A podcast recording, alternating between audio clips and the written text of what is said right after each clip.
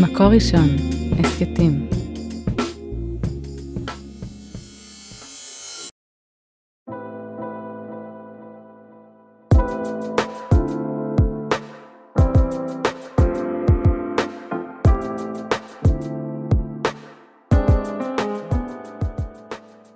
בוקר טוב, כאן שירת מלאך בפרק חדש של ההסכת עד האהבה, ומתארחת אצלי היום כרמי אור. אהלן. בוקר טוב, כרמי, כיף להתחיל איתך את היום. אנחנו הולכים לדבר היום על כסף, על uh, uh, חיפוש זוגיות וכסף, או תקופת החיים של חיפוש זוגיות והתנהלות כלכלית. אז uh, בואי את תציגי את עצמך, ואז אני קצת אציג את עצמי, ואז נצלול. אפשר לצלול ישר מבחינתי. אני באמת uh, הגעתי לכאן היום כי אני מאוד מאמינה שמשהו מתפספס בתקופה הזאת של חיפוש זוגיות, שהוא כל כך, תקופה כל כך אינטנסיבית, uh, ולכן... אבל לפני כן לא אמרתי מה את עושה.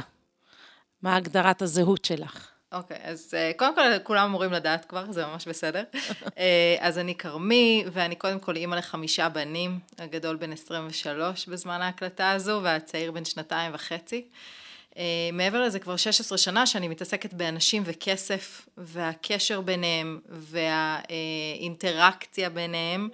אה, כי יש משהו מאוד מאוד משמעותי באיך אנחנו חיים את החיים שלנו, והוא משתקף ישירות במצב התקציב שלנו. זאת אומרת, אני רואה איזושהי רפלקציה בין אה, איך החיים שלנו נראים לבין איך חשבון הבנק שלנו נראה. כן, אז את, את בעצם אומרת, אני יועצת כלכלית, את גם מנהלת מיזמים להשכלה פיננסית, ואת מתבוננת על תחנות החיים שלנו, ואת אומרת, יש קשר בין איך... איך אנחנו, איך חשבון הבנק שלנו נראה, לבין התחנה שאנחנו נמצאים בה בחיים. או מי אנחנו בכלל. ואנחנו הולכים לדבר על אנשים, גברים ונשים, מבקשי זוגיות, גם אה, כאלה שעוד לא התחתנו, גם כאלה שהתגרשו, ואנחנו נציץ לתוך חשבון הבנק שלהם, וככה, כמו שאת מכירה, מה נראה שם. בהרבה מקרים אנחנו נראה, נפריד רגע בין פרקי ב' לבין, או אחרי זוגיות ראשונה, לבין אה, רווקות ורווקים. אה, במקרים רבים אנחנו נראה אצל רווקות ורווקים איזושהי, אה, איזשהו גלגל, איזושהי ספירלה של אנחנו מרוויחים כסף, אנחנו מוציאים כסף, אנחנו מרוויחים כסף, מוציאים כסף, אנחנו מרוויחים בשביל מחיה ואותם טיולים לחו"ל, אותם טיפולים, אותם בגדים לדייטים, כל אחד ואחת. שאני קוראת לזה איכות חיים רגשית. בסדר גמור, אבל אנחנו לא נראה צמיחה. אנחנו לא נראה כמו אצל זוגות אה, שמתחתנים, שמתישהו כן שואפים לבית, ומתישהו כן אה, מפרנסים ילדים, אנחנו נראה איזושהי, אני לא רוצה לקרוא לזה תקיעות, כי בעצם משהו שם לא מובן אה, בעומק, לא נראה צמיחה. בסדר? אני אגדיר את זה. זה, זה קשור ללא מובן, לעומק, או ש... את יודעת, יוקר המחיה, אני עומדת בזכות עצמי, אני צריכה לשלם גם שכר דירה, ובמרכזי הערים, אז זה יקר. גם רכב, כי איך אני אסע לדייטים, ואיך אני בכלל אתנהל, ואני חייבת עצמאות. אז אני מפרנסת את עצמי כמעט בהכול. הורים פחות תומכים, ורווקים ורווקות, אז אין צמיחה, כי איך אפשר שיה, שתהיה צמיחה? אז פה משהו מתפספס, על זה דיברתי במשפט הראשון שלי. כי השנים עוברות, ובסוף אנחנו כן רוצים להגיע לכל מיני יעדים שאנחנו נציב, זאת אומרת החברה לא תציב לי איזה יעדים, אבל אני כן הייתי רוצה לראות את אותן צעירות ואותם צעירים עושים איזושהי תוכנית. וכבר ישבתי לא מעט עם רווקות ורווקים לקראת גילאי 30 שאומרים רגע, עוד לא התחתנו, מה נסגר? קודם כל, בדברים הכי פשוטים, בוא נבין את תלושי השכר, בוא נבין את ההכנסות וההוצאות שלנו, בוא נבין מי אנחנו במרחב הזה, ונפסיק להתעלם ולחכות שיבוא איזה אביר על סוס לבן וידאג לחשבון הבנק שלי. זה המקום הראשון שככה בעיקר נשים צעירות באות לבקש, של רגע, אני אמנם בזכות עצמי ויוקר המחיה, אבל יוקר המחיה לא מדלג גם על משפחות. אבל את רואה הבדל בין אה, גברים לנשים בעניין הזה? זאת שאלה ראשונה שיש לי. וגם שאלה נוספת, אם זה קשור לחינוך כלכלי. זאת אומרת, מגיע, הרי הם לא נולדים בני 30. אז מה קורה שם בגילאי 18, 22, 25, סיימנו להיות סטודנטים, 27? טוב, אז פה אנחנו כבר נכנסות רגע לעולם הבית שממנו באתי. ברוב הבתים הישראלים אין באמת חינוך פיננסי וההשכלה הפיננסית אה, נמצאת ברמת מודעות מאוד נמוכה. אנחנו גם רואים את זה בהתנהלות של כלל האוכלוסייה. אה, מכאן זה עוד יותר משמעותי כשמצפים מאותם רווקות ואותה, ואותם רווקים רק להתחתן. זאת אומרת, כל חג שהם חוזרים הביתה שואלים בהם מה קורה, וכל שבת שהם חוזרים הביתה שואלים, ופה יש אחריות גם להורים. רגע, יש פה עוד בן אדם שנמצא ברקע, מעבר לזה שמחפשי זוגיות. יש פה אה, מישהי שעובדת, מתקדמת או לא מתקדמת בעבודה, מה השאיפות שלה, מה המקום המקצועי שהיא רוצה לאפשר לעצמה בחיים. זאת אומרת, שנייה, בואו בוא נפריד בין הבן אדם שהוא הוא, הוא כלל... אנושי, יש לו המון צדדים. כאילו, המלאות של האדם, אז אני, אני תמיד מדברת על זה עם הורים, יש לי ככה סשן שלם עם uh, הורים, בדגש על אימהות, שבאמת, uh, האם אתן מצליחות לראות לא רק את הרווקה או הרווק שבו, אלא את המלאות שבו. נכון, נכון. ואת אומרת, ובתוך המלאות הזאת, האם חשוב לכם, ואתם מתעניינים ואפילו מעודדים את התחום הזה של התפתחות מקצועית, אבל לא רק מבחינת המימוש העצמי, אלא מבחינת... צבירת אה, נכסים וצמיחה כלכלית, כי להפך, רווקה אה, שמחכה המון המון שנים לזוגיות ומחפשת ומשקיעה בזה, אה, ולמשל תתחתן בגיל 32 או 35 ותלד שניים, שלושה, ארבעה ילדים מאוד מאוד צפופים, להפך בואי תעשי את כל הנכסים שלך לפני כדי שתוכלי לנוח על זרי דפנה אחר כך ולגדל את הילדים לא מתוך עומס כלכלי, כנ"ל לגבי גברים. למה אנחנו מפרידים בין אה, רכישת דירה למשל, שתמיד אומרים, אחרי שתמצאו, תמצאו את הבן זוג, את הבת זוג, תרצו להשתקע, אז תקנו דירה. למה? יש פה אה. שאלה מאוד מאוד גדולה, למה לא לקנות דירה לפני, גם כשאני... אבל זאת שאלה חברתית או שאלה פשוט מעשית? כי ברגע שאני מתחתנת, יש לי הון עצמי שחסכתי, ויש את ההון העצמי של בן הזוג, וביחד אנחנו מצליחים לא לחסוך בהכרח. לדירה. לא בהכרח, אני יכולה לקנות דירה קטנה במקום אחר, לפני שהתחתנתי, כשאני אגיע לחתונה, אני אמכור ואקנה ביחד אם אני רוצה לקנות בית מגורים, למרות שהיום בתי מגורים קצת מתרחקים מהישג יד, ידם של הרבה הרבה חבר'ה צעירים בלי קשר, והם קונים איפה שהם יכולים, והם גרים איפה שהם רוצים. זאת אומרת, אנחנו כבר בעידן אחר, אנחנו לא בהכרח קונים בית כדי לגור בו. כן, אבל לפני שאנחנו מדברות על דירה ובית לגור בו, כאילו, אני חושבת עכשיו על, ה, על גברים ונשים בשנות ה-20, שכאילו בקושי התאפסו על עצמם. עוד לא, כאילו, סיימו את ה... אז למה, רק אם מתחתנים אנחנו מתאפסים על עצמנו, כי צריך לקנות חיתולים ומטר? לא, ואנחנו מדברות בשפה של דירה, ואני אומרת, אה, יש כאן פער. נכון, ועל זה הפער הזה אנחנו מדברות ו- פה היום, כן, כי צריך... ואני רוצה לשאול. אותך, מה יש בפער הזה, לדעתך? מה ה... אז, אז אמר דבר אחד. מהבית אנחנו מוכווני, תמצאו זוגיות ואז תעשו את כל השאר. אוקיי? זה בכלל, בטח בחברה שהכיפות הסרוגות, חרדים אפילו עוד יותר, אבל שם פחות נשארים רווקים ורווקות בשלב מאוחר יותר. ואני אומרת, רגע, בואו נסתכל על השעון חול הכרונולוגי, בואו נסתכל על הזמן. סיימתי שירות לאומי. אחד, למה בשירות לאומי סלש צבא אני לא שמה כסף בצד? למה אין לי את ההרגל הזה מראש? למה אני לא שמה יעדים כלכליים, לא רק יעדים חברתיים, אישיים, מימושיים? למה אף אחד לא אמר לי, והנה אנחנו פה כדי להנכיח את זה היום ולהגיד את זה, שוואלה, הזמן עובר בכל מקרה, בין אם אני רווקה, בין אם אני נשואה, ואני צריכה שיהיה לי קיום בזכות עצמי. אני חושבת שזה גם קשור לחינוך כלכלי, אבל אני תוהה יחד איתך אם זה יותר מורכב מזה. כי התקופה הזאת של חיפוש זוגיות היא תקופה של אה, קושי רגשי וחוסר ודאות והמון... אבל גם לזוגות נשיא, נשואים יש קושי רגשי כן. ואי ודאות. אני רק רוצה לשאול, האם, האם את פוגשת את האמירה, אה, זה הזמן שלי, זה הזמן שלי עכשיו להתפתח, זה הזמן שלי ללמוד תואר שני, אה, לטוס כל חופש. כאילו, איכות החיים שלי גם ככה מאתגרת, ולכן את הכסף שיש לי, ואני חוסכת, אבל אני חוסכת את זה לטיול גדול לחגים, ואני חוסכת את זה להקפאת ביציות, ואני חוסכת את זה לדברים שמעלים את איכות החיים הרגשית שלי כרגע, כי אני עכשיו עוד לא בזוגיות, ואני רוצה למקסם את הזמן שאני נמצאת ולחיות בטוב. אז אני רוצה לכפור בזה רגע. שוב, כי אותו זמן ממשיך לתקתק גם על הביציות וגם על אה, אה, שיהיה לי כסף לפנסיה, בסדר? נלך הכי רחוק. ואם אני רק עובדת כדי לשלם אה, אה, שכר דירה בזמן ולטוס פעם בשנה להודו בחגים שלא ינג'זו לי, ולא חושבת צעד אחד מעבר להגדיל את השכר כדי שיהיו לי יותר הפקדות אה, לקרן השתלמות ולקופות גמל ולפנסיה, לעשות אה, הצהרת רווק אה, בפנסיה כדי שייכנס לי יותר כסף ואני לא אשלם ביטוח שאין לי בו עניין. כן, כשאת אומרת הצהרת רווק, אני לא יודעת מה זה, ואני תוהה אם המאזינים שלנו יודעים מה זה. ולכן אני אומרת, אנחנו אולי תכף נגיד מה זה, אבל, אה, אה, ולכן אני אומרת, יש... אה, איזשהו אידיאל בעיניי בלעשות את הדברים במקביל, כמו שמשפחות חשוב להם לחנך את הילדים, אבל גם חשוב להם לשלם משכנתה. אז למה בתור רווקים יש לנו את הדיסוננס הזה? זאת אומרת, אנחנו יכולים גם לטוס לחו"ל, גם אה, ל- לעשות מימוש עצמי בתואר שני, וגם להתקדם אל עבר הון עצמי משמעותי וחסכונות לגיל זקנה וכולי וכולי. זאת אומרת, אני לא רואה סתירה.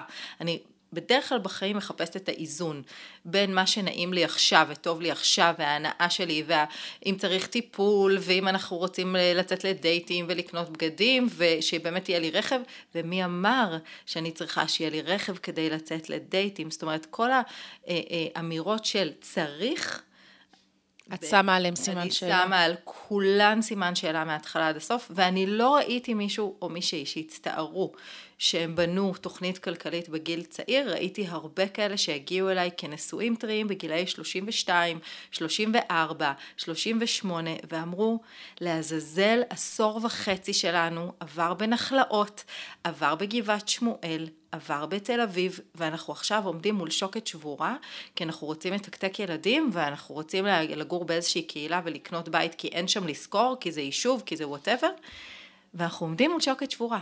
אף אחד מעולם לא הצטער שהיו לו יותר נכסים, אנשים מאוד הצטערו כשהם הגיעו לילדים שהם כל כך ציפו להם, ולא יכלו לרדת לחצי משרה כדי להיות איתם בשנים האלה קרובים. ו- ואם עכשיו, באופן תיאורטי, הייתי, היו מגיע, היה מגיע אלייך גבר או אישה בני 25, ואומרים, אה, כרמי, אנחנו שמענו את הפודקאסט הזה, ואנחנו עכשיו רוצים לעשות חושבים מחדש על ההתנהלות שלנו.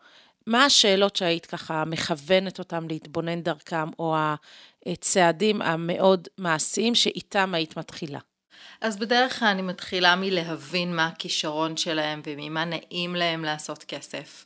אה, שזה בכלל מקום תעסוקתי, מצד ההכנסות, כי תמיד אני אומרת שגם שם יש תמיהה, לא רק על להתקמצן על ההוצאות, אלא מה אני שווה וכמה אני מרוויחה. בשלב השני אנחנו מציבים יעדים עם זוגיות ובלי זוגיות, ואנחנו מציבים יעדים. כאילו ללא תלות בסטטוס. ללא תלות בסטטוס. יותר מזה, במקרים מסוימים אני שואלת, האם ההורים חסכו לכם לטובת חתונה? וכשאני שומעת כן, ושיש שם איזשהו חיסכון משמעותי וההורים היו חכמים, יכול להיות שההורים לא רוצים לחכות עם הכסף הזה שישכב בפק"ם בבנק, אלא כן לעזור לאותו רווק, לאותה רווקה, להגיע לדירה משלהם ולהגיד, מקסימום כשיגיעו לחתונה אנחנו נשקול פעמיים האם עושים באמת חתונה במאה אלף שקל, ואז נמכור את הדירה או נמצא מקורות אחרים או נמשיך לחסוך במקביל, אבל או שנעשה חתונה פשוטה פה... יותר וכבר תהיה לנו דירה. כן, אז את פתחת פה חלון אה, לשיח, לאחריות ההורית שיש להורים למבקשי זוגיות. נכון. זאת אומרת, את, כרגע דיברנו על אה, גבר בן 25, אבל רגע, מעט נחזור אליו. כולם, גם בגיל 50 אני שולחת אנשים לבית המקור שלהם, כי אנחנו יכולים להבין משם המון התנהגויות, המון חסכים, שבדרך כלל מתורגמים להוצאות כלכליות, אה, ושם אנחנו יודעים לעשות את הסדר, זאת אומרת זאת כלכלה התנהגותית, היא לא תלושה. תני לי דוגמה, מה זה... תרבות משפחתית סביב כסף. אז כמו שאמרת קודם שלרווקים עוזרים פחות, אז אני דווקא פגשתי טיפונת גם את הצד השני. שבגלל שהיא רווקה והיא לא מוצאת, אז ההורים ממשיכים לשלם לה עד אחרי גיל 30 את הטלפון ואת הנטפליקס ואת הספוטיפיי ואת הביטוחים, ומדי פעם אה, ככה יאללה תתפנקי ואת הטיפול ואת הלימודים, ודווקא שם בכסף הגדול הזה לא תמיד אותה רווקה או אותו רווק רואים את הערך והם רגילים להמשיך להיות הילד הקטן של אימא אה, ומשם לא צומחים. בסדר? ודרך אגב, אם כבר, אני לא מומחית גדולה לזוגיות ולמבקשי זוגיות, אבל אם כבר מדברים על זה, אז בהרבה מקרים זה משאיר אותנו במקום של הילד הקטן של אימא, ואז אנחנו לא לוקחים אחריות בזוגיות. זאת אומרת, תסתכלי על המרחב של זה, זה איזשהו מרחב שמאוד קל לי כיועצת כלכלית, לזהות את, את הדפוסים ולז... המשפחתיים. בדיוק, בדיוק. כן, אני פוגשת את זה ב... אני פוגשת גברים ונשים לפני, אה, כשהם בונים את הקשר. ותמיד הסוגיה, שתי סוגיות שלא מדברים עליהן, זה מין וכסף. כן. אז על מין היום יותר ויותר נכון, מדברים. נכון. אבל על כסף ממש לא. ואת רואה שני אנשים שמגיעים מתרבויות משפחתיות מאוד מאוד שונות בהתנהלות הכלכלית, ביחס לכסף, בי, ביחס לשאלה מה זו השקעה ומה זה בזבוז. וסביב הדבר הזה, לפעמים יהיה פיצוץ דווקא אחרי רוסין, למשל. חד משמעית, שיש מלא החלטות כלכליות, נכון. והם לא דיברו על זה בכלל. נכון. זה דבר כל כך מהותי לשוחח עליו. נכון. אני אומרת תמיד להורים שמחתנים, לא משנה באיזה גיל, יש משהו ברגע שמחליטים להתחתן, שכבר מתחיל את הרצף של הבית. ודווקא בנקודה הזו אני הכי אוהבת לפגוש את הזוגות, כי יש שם שיח כל כך עמוק, ואני גם יודעת היום מפרספקטיבה של מעל 16 שנים, שזה יוצר את כל ההבדל. זאת אומרת, זה שיושבים ופותחים, וזוגות אחרי שעתיים יכולים לצאת אצלי עם, עם רשימה של דברים שהם הולכים לחקור ולהבין ולמצוא על עצמם ועל הבית שלהם, זה חוסך אחר כך את כל השנים של אבל למה שולחן שבת נראה ככה, או למה מוציאים על זה. אז בעצם את אומרת, כמו שיש היום נורמה בחברה הדתית להדרכת כלות והדרכת חתנים, צריכה את, החלום שלך זה שתהיה נורמה להדרכה פיננסית לזוגות. כן, ואני אומר יותר מזה, לפני כמעט עשור הקמתי מיזם שנקרא זוגיתה. לקחתי הלוואה עסקית מאוד גדולה, הקמתי אתר אינטרנט עם מומחים, עם חבילות, כי זה היה נראה לי הדבר הכי נצרך, כי ישבו אצלי לקוחות, שאמרו לי, כרמי, איפה היית לנו לפני 20 שנה? זה היה חוסך לנו 20 שנה של התבחבשות. היו מגיעים הרבה פעמים בדילמות מול המתבגרים שלהם, או בדילמות תעסוקתיות, או בדילמות מול הצעירים שמתחתנים, והם עוזרים ועוזרים, או לא עוזרים, ומה קורה שם. ואם, זה היה משפט קבוע כזה. את כבר זיהית את הצורך בוודאי, של זה, זוגות שמתחתנים. אבל כלכלית זה מיזם שקשה לחלוטין.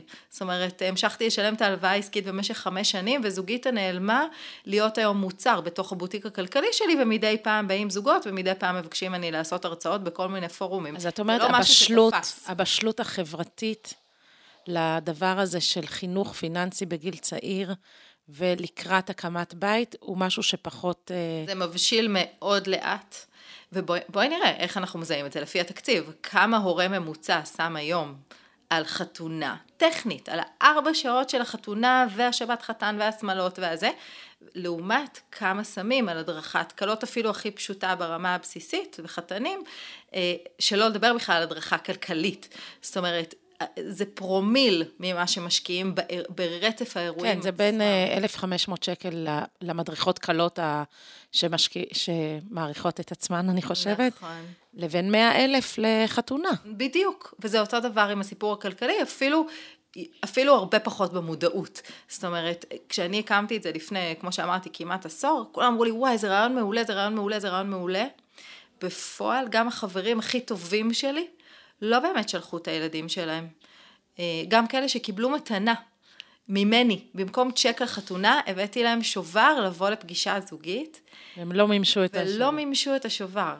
את השובר הלכתי... של פוקסום הם רצו לממש. ברור, ברור. ואז הבנתי שיש פה עוד עבודה אה, ועוד אה, הר לחצוב בו, mm-hmm. ובעצם מוצאתי את הספר שלי, לא חייבת כלום לאף אחד, שכן מתחיל להסתובב אצל הזוגות הצעירים, וגם אצל הרווקות והרווקים, הייתי בשבועות האחרון בסעודה של רווקות ורווקים, פה ברחביה, אה, ושתיים שם זיהו אותי ואמרו שיש להם את הספר, וזה מעניין. היה ממש מרגש.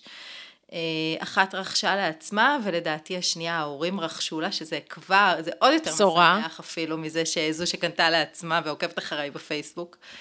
אה, והיופי בעיניי של דווקא זה מגיע מהדור הצעיר, אני גם רואה את הזוגות הצעירים שבאים אליי, שאני שולחת אותם לעשות עבודה אל מול ההורים שלהם, ודווקא שם מתעוררות מתעוררים קסמים, מתעוררות נקודות מאוד מאוד מרגשות של הורים, מלמטה למעלה. שהחביאו את זה כל החיים, והם לא התעסקו עם כסף, והם רק האידיאלים, ורק כזה, ורק החברתי, ורק... נכון, כסף אחרת. הייתה מילה גסה, גם נכון, אני גדלתי ככה. אבל את זה... שליחות זאת נכון. מילה ראויה, אבל uh, כסף, מה פתאום? נכון, יותר מזה, השבוע דיברתי עם מישהי שמנהלת באחד מבתי הספר בירושלים, ואמרה לי, כל כך כיף לי שבדור הצעיר מגיעות מורות, וקודם כל שואלות על התלוש שכר. קודם כל שואלות על התנאים. היא אומרת, זה נורא מרגש אותי. מעניין. היא התעניינה בלבוא ללמוד אה, איך להיות בעצמה יועצת כלכלית, אני פותחת אה, אה, מעת לעת קורסים להכשרת יועצים ויועצות, והיא ככה האירה את הנקודה הזאת ואמרה, זה כל כך כיף לי.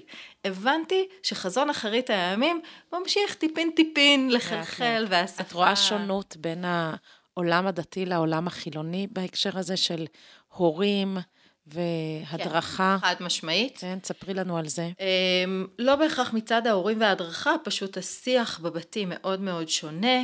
אה, אני עובדת המון עם הצבא, אז אפשר לראות שם גם את החיילים שאומרים, בואנה, אני קרבי, יש לי 3,000 שקל בחודש, למה שאני לא אסיים את הצבא עם אה, הון עצמי לדירה?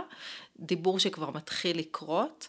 אה, לעומת חבר'ה דתיים שכל הזמן אומרים, אני אתחתן ואז זה יהיה, ובטח אין דחיפה מהבית לקנות דירות להשקעה, אלא רק דירות למגורים, אה, ויש פחות הבנה של השוק ופחות שיח על אה, מטח, אג"ח וכל מיני קופות כאלה. נכון, קללות לא מובנות. כן, וה... וההתוויה הזו, זאת אומרת, זה, זה מתחיל משיחות סלון, ממה אנחנו מדברים על שולחן שבת. אה, אני בטוחה, אני יודעת מהילדים שלי שהם חווים שיחות אחרות, והם יודעים שהם בגיל 18 מקבלים את מה שחסכתי להם, והם יכולים ללכת לעולם ולהשקיע את זה, והם יודעים שאני לא הולכת לדבר איתם על כסף לחתונה, זאת אומרת זה משהו שנמצא שם. אז את בעצם, את אומרת, השנים האלה שבהם אני עוד לא מצאתי את האיש שלי או את הבת זוג שלי, הם שנים של המתנה? כן, וחבל. וחבל. גם בהקשר של בני זוג, בואי, זה לא סוד, אני גרושה פעמיים. ההמתנה לא עושה טוב לאף אחד. זאת אומרת, בואי תהיי בזכות עצמך.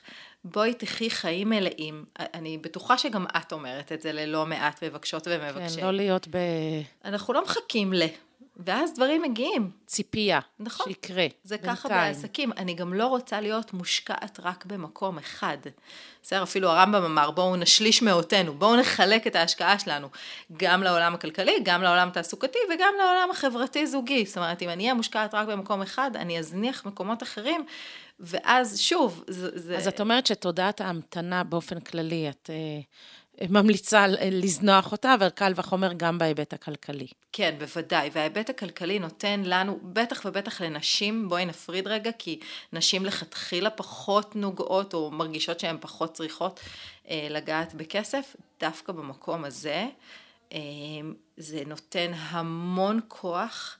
לדעת מה יש לי, לקיים את עצמי, לצמוח, ופה אולי צריך לפנות לגברים שלא יהיו מאוימים מאישה חזקה, לי את המילים שיש לה כבר דירה, למרות שהיא בת 28, אה, והיא מחפשת זוגיות. את אומרת דירה ובת 28 וזה, ו... כאילו, אנחנו בתקופה של אינפלציה מטורפת, אני רואה לא מעט שיכולים ויכולות. כן? כן, אם עושים את זה חכם, אפשר, אפשר לקנות ביחד עם אח, או ביחד עם ההורים, או ביחד. אפשר לעשות, אה, אפשר לקנות דירות צנועות יותר בפריפריה, עדיין יש אפשרות לעשות את זה. זאת אומרת, בואו תאתגרו לחשיבה יצירתית, בטח. קחו איש, איש מקצוע ו... בטח.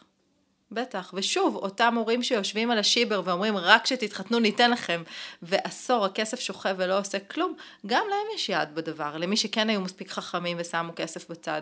אז אפשר בהחלט לעזור גם לרווקות ורווקים לקנות דירות, ולא לחכות ולחכות ולחכות, אלא מיד כבר... אה, לקנות דירות זה דוגמה להשקעה בנכסים. כן, כן. זה יכול להיות כן. גם אה, השקעה, זה יכול להיות השקעה פיננסית אחרת. אני כן מאמינה שלכל אה, משפחה בישראל צריכה להיות... קורת גג, זה הכסף הראשון בעיניי שצריך להיות מושקע. אה, בנכסי נדל"ן בישראל, לא בחו"ל, זאת אומרת זה כבר עולם ההשקפה אה, של ההשקעות שלי המאוד מאוד סולידית. אה, ועם כסף שני אפשר אחרי זה ללכת ולעשות יותר, לקחת יותר סיכון, אבל בלי קשר, צמיחה, זה לא משנה במה. צריך ללמוד את הנושא, צריך להבין את הנושא, צריך לראות גם איך אנחנו לא נופלים על הדרך בכל מיני סכימס, בכל מיני כן, אני אמרתי לך, בשיחה המקדימה בינינו, שאני באתי עם האיש שלי לפתוח חשבון בנק משותף אחרי החתונה, והפקידה היא נתנה לי את החינוך הכלכלי. כי היא אמרה לי, פתחתם חשבון משותף, את חייבת גם לפתוח חשבון חיסכון. חשבון חיסכון. נכון, ואז צריך ללמוד מה ההבדל בין חיסכון להשקעה. וממנה למדתי שיש כזה דבר, נכון. ואפשר בכל אה, זה, לא נכון. שהצלחתי כל כך הרבה, אבל קצת לפחות היא הצליחה. נכון, וזה זה באמת, אה, זה, זה טאבו חברתי מאוד מאוד חזק, שלא מדברים על כסף, בטח עם רווקות ורווקים, כאילו, מה, אתם רק מחפשי זוגיות, מה פתאום... אה, היית מכוונת זוגות שיוצאים וככה מתחילים להכיר אחד את השני לעומק. לשאול ולהתעניין בכושר ההשתכרות אחד של השני? אז אני לא יודעת אם הייתי שמה על השולחן את כושר ההשתכרות, אבל בהחלט בדייט ראשון ושני אפשר להסתכל על מניירות כלכליות.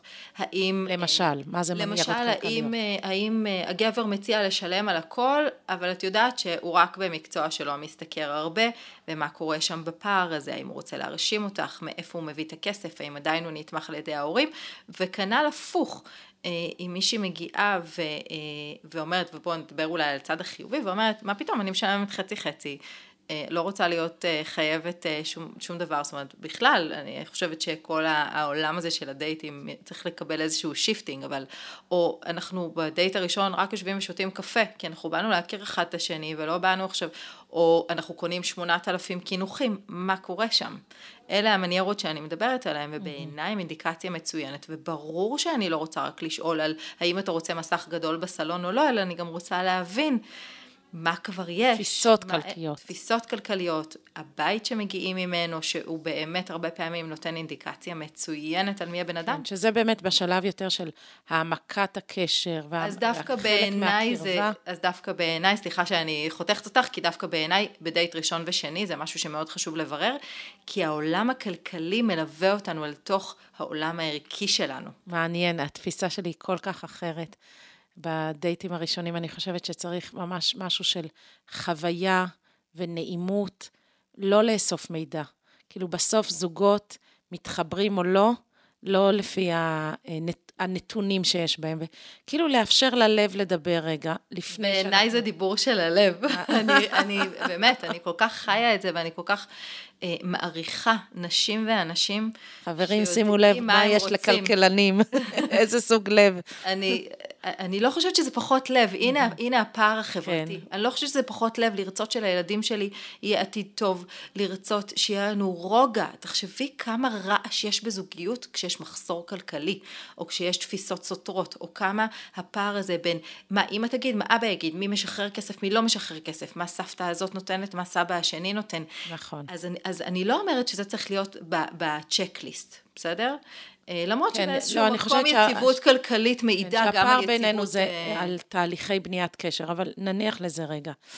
אם אני חוזרת לאותו בחור בן ה-25 או בן ה-35 שבא להתייעץ איתך, או, או אישה, בואי ככה תוציאי אותנו עם שתיים, שלוש אה, עצות זהב.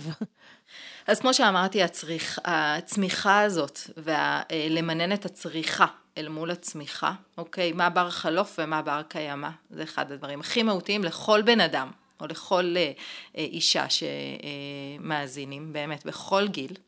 אה, צריכה מול צמיחה. אה, הצהרת רווק, אז אמרנו ככה, זה טיפ שזה כסף שאפשר לאסוף מהרצפה, אז יש חברים, בתוך... חברים, מי מכם ידע, יודע מה זה הצהרת רווק? אז הנה, אני אסביר, אני אסביר. אליי.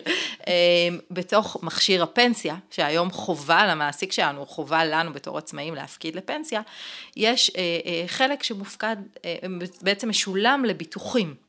אוקיי? ביטוח חיים, ביטוח אובדן כושר עבודה.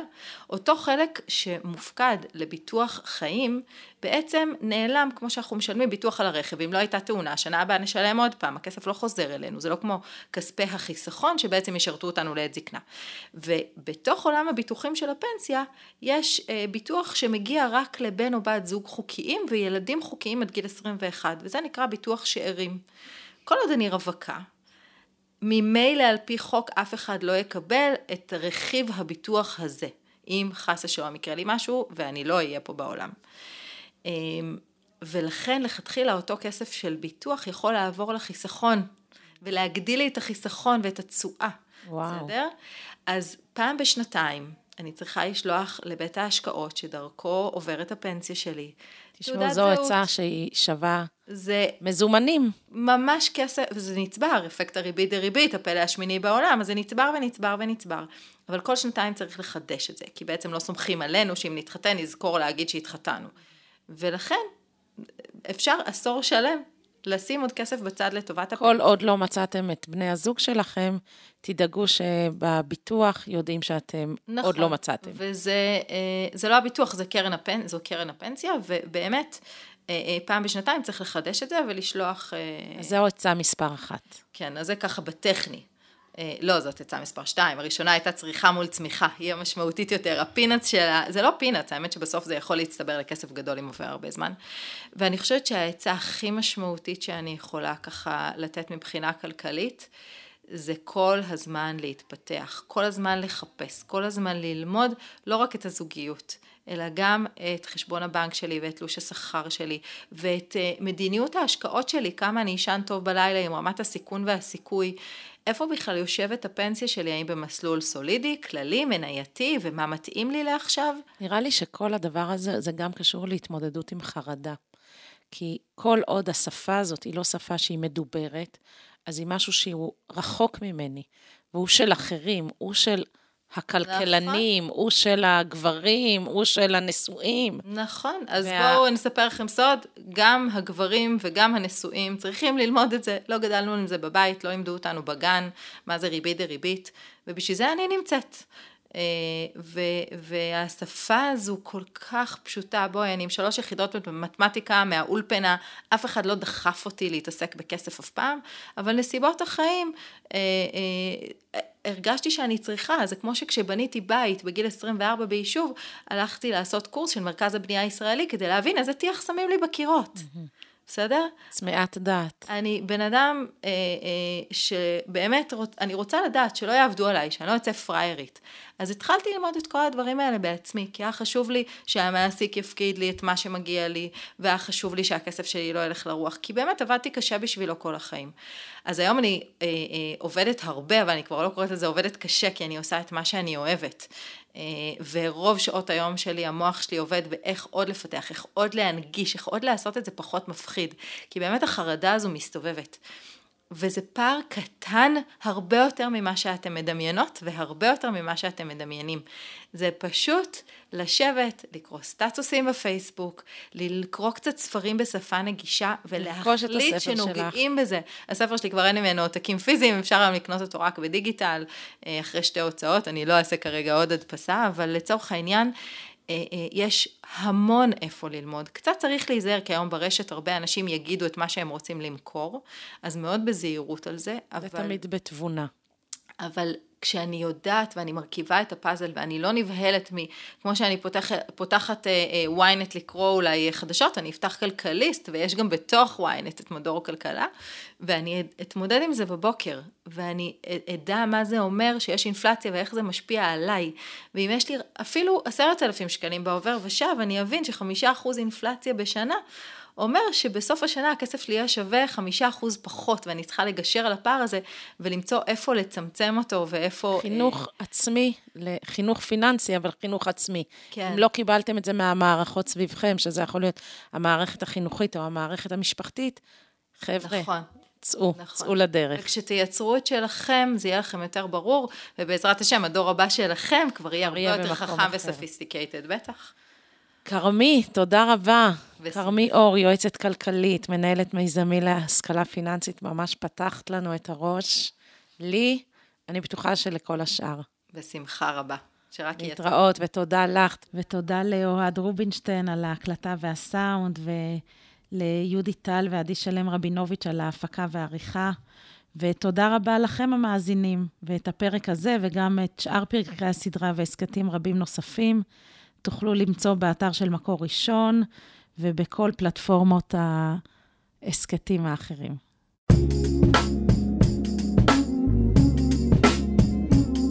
מקור ראשון, הסכתים.